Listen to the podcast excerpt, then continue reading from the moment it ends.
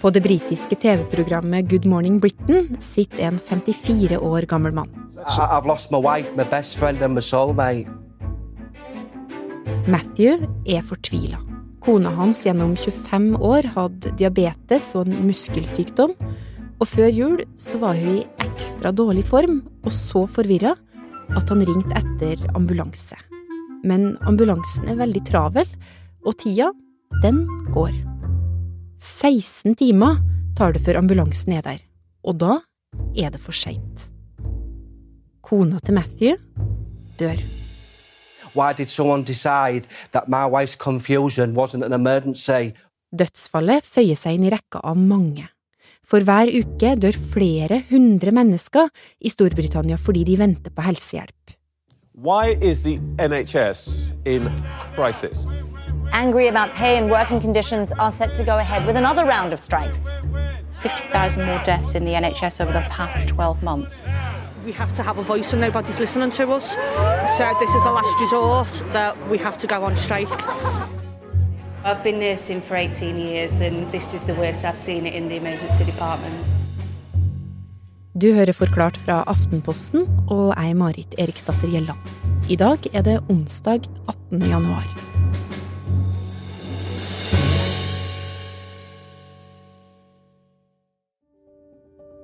Var i London i desember eh, og satte seg på nyhetene og ble helt sjokkert um, om disse om nyhetsomslagene som viste ambulansene som sto i kø utenfor sykehus, og der det ble fortalt at folk som har alvorlig hjertesvikt, må vente over en time på å få hjelp.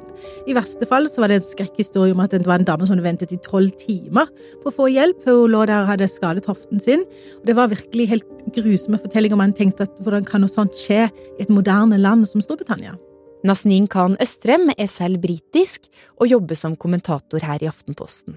Og for å forstå hvor sjokkerende denne helsevesenkrisa er, så må vi gjennom en liten historietime. Det britiske helsevesenet, altså NHS, er egentlig en helt fantastisk idé. Um, Den åpnet for opp for at alle, uansett betalingsevne, får gratis helsehjelp. Før det så var de fattige, de var veldig avhengige av hjelp fra, fri, fra frivillige på små sykehus. Eh, drømmen om NHS kom fra en Labour-politiker som het eh, Bevin. Han tilhørte Arbeiderpartiet, som hadde makta i Storbritannia etter andre verdenskrig. Og Det som har vært helt unikt for NHS, er at de har hatt ansatte fra hele Storbritannias spekter når det gjelder klassebakgrunn, hudfarge, etnisitet. Så det har vært et sted som har samlet Storbritannia.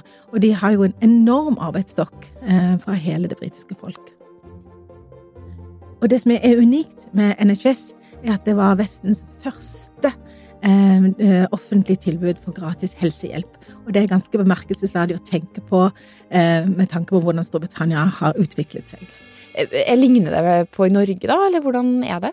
Ja, på mange måter gjør det jo det, men vi må huske på at her i Norge så betaler vi jo veldig ofte en egenandel, og vi har noe som heter frikort etter man har betalt så og så mye penger. Det som er spesielt med Storbritannia, er jo at NHS er noe som britene er forferdelig stolt over, og det er veldig stor oppslutning om NHS.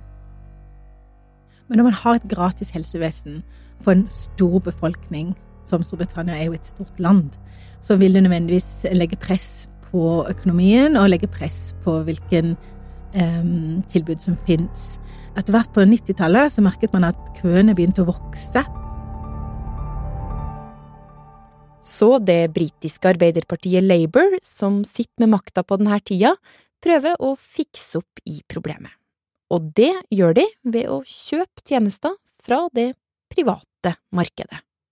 Men privat sektor kan jo ikke løse alle problemene, fordi utfordringene i eh, helsetjenestene er jo omfattende og komplekse. Så de kunne kanskje hjelpe med hofteoperasjonene, men hva med hjerteoperasjonene? Hva med alle de andre utfordringene som finnes i helsevesenet? Ja, for det skal vise at denne løsninga ikke fikser alle problemene. Og ikke bare det, for 2000-tallet er på vei. Let's get Brexit done med noen dårlige nyheter. Two cases of the newly identified variant of coronavirus have now been identified here in the United Kingdom.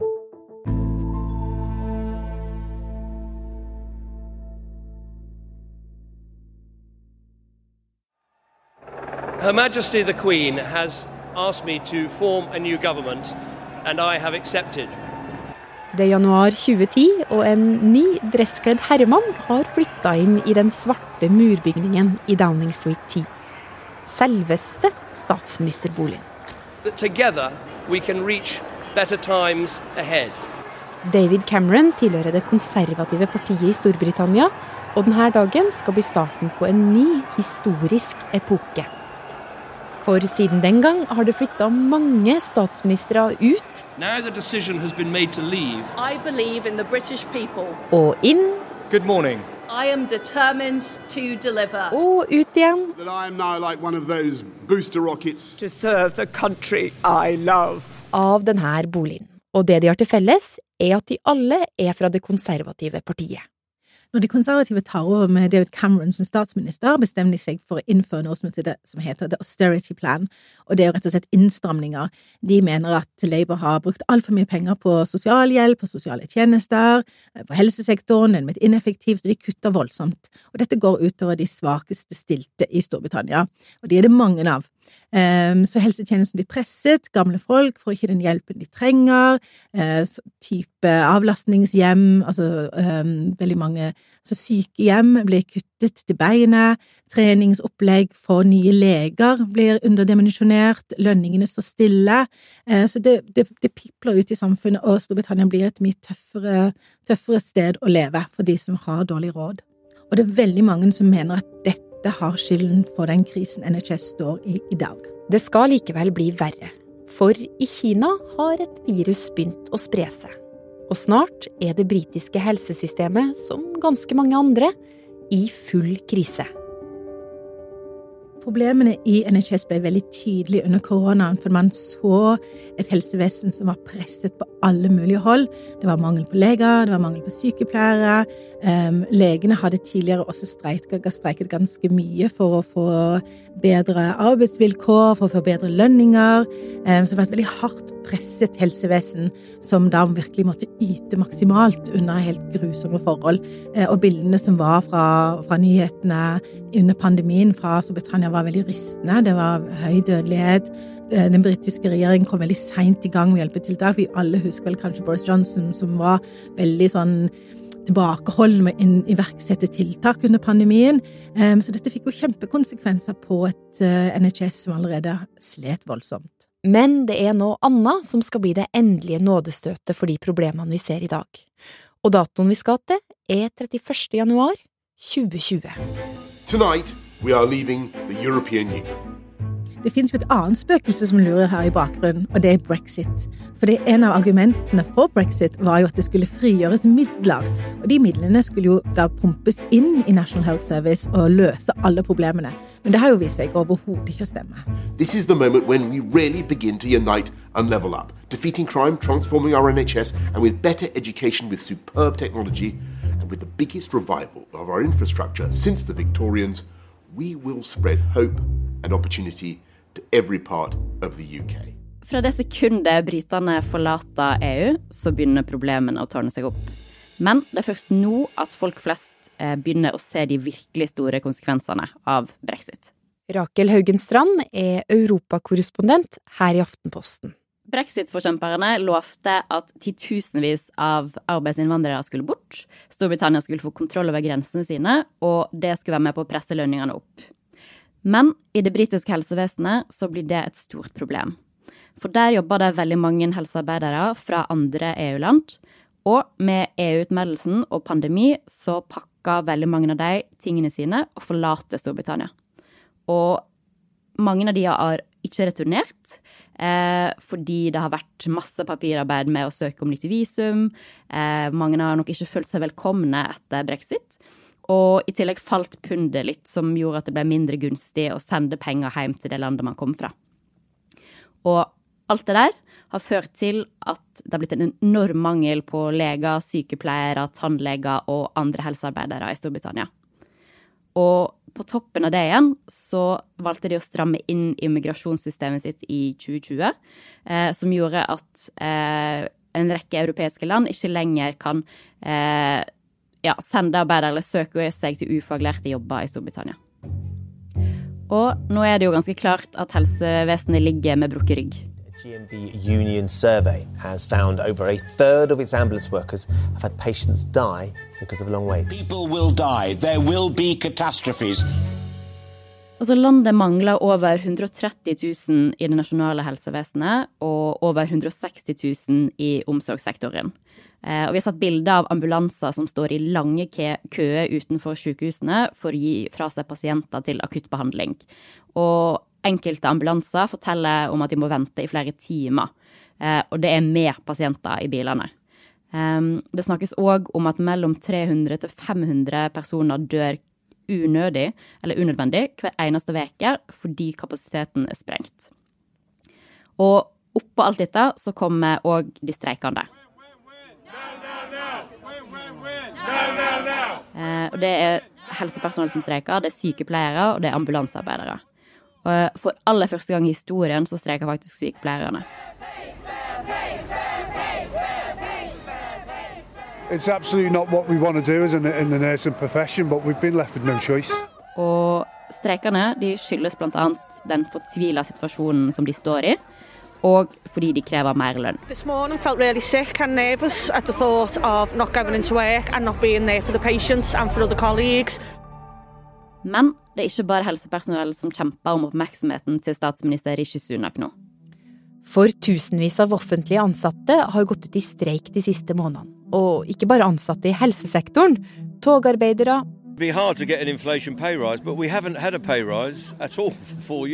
Bussjåfører Lista, den er lang. Walkouts by some Scottish teachers, which began yesterday, have continued today. Og det handler mye om det samme som for helsearbeidere. Krigen i Ukraina har ført til at mat, strøm og bensin har blitt dyrere, og oppå det her så kommer etterdønningene av brexit. For utmeldelsen fra EU har ramma økonomien hardt. Litt enkelt sagt så får ikke de britiske bedriftene solgt varene sine til utlandet sånn som de gjorde før. Og når det går dårlig med bedriftene, betyr det at de ikke kan øke lønningene til sine ansatte i takt med at prisene stiger. Og når det igjen går dårlig med økonomien til både bedriftene og folk, så betaler også alle mindre skatt. Og når da staten får mindre penger inn, så kan heller ikke de øke lønningene til alle som nå streiker, altså togarbeidere, bussjåfører og ikke minst folk i helsevesenet. Og litt sånn kort sagt, som en britisk økonomiprofessor forklarte det til meg, eh, brexit har ikke vært som et bilkrasj for økonomien, det er mer som et dekk som punkterer. Og statsminister Rishi Sunak han må jo nå bale med det her. Og han har jo blant annet lagt fram et forslag som innebærer at arbeidsgivere skal kunne si opp streikende ansatte som egentlig skulle ha vært på jobb. Og i tillegg så har han kommet med en del lovnader i nyttårstalen sin om redusert ventetid i helsevesenet og det å skape økonomisk vekst. Men Rakel, helsekrisa, den er jo prekær. Altså, hvordan løser de det faktum at folk nå dør mens de venter på helsehjelp? De prøver å hente arbeidskraft eh, utenfor Europa, og regjeringa har nå sagt at de går til akuttinnkjøp av sykehjemsplasser for å flytte ferdigbehandla pasienter dit. Og det blir satt opp brakker på parkeringsplasser for å gi folk behandling der. Og forhåpentligvis så kan det hjelpe litt. Men det fikser ikke det store problemet her, som er at lufta sakte, men sikkert siver ut av den britiske økonomien.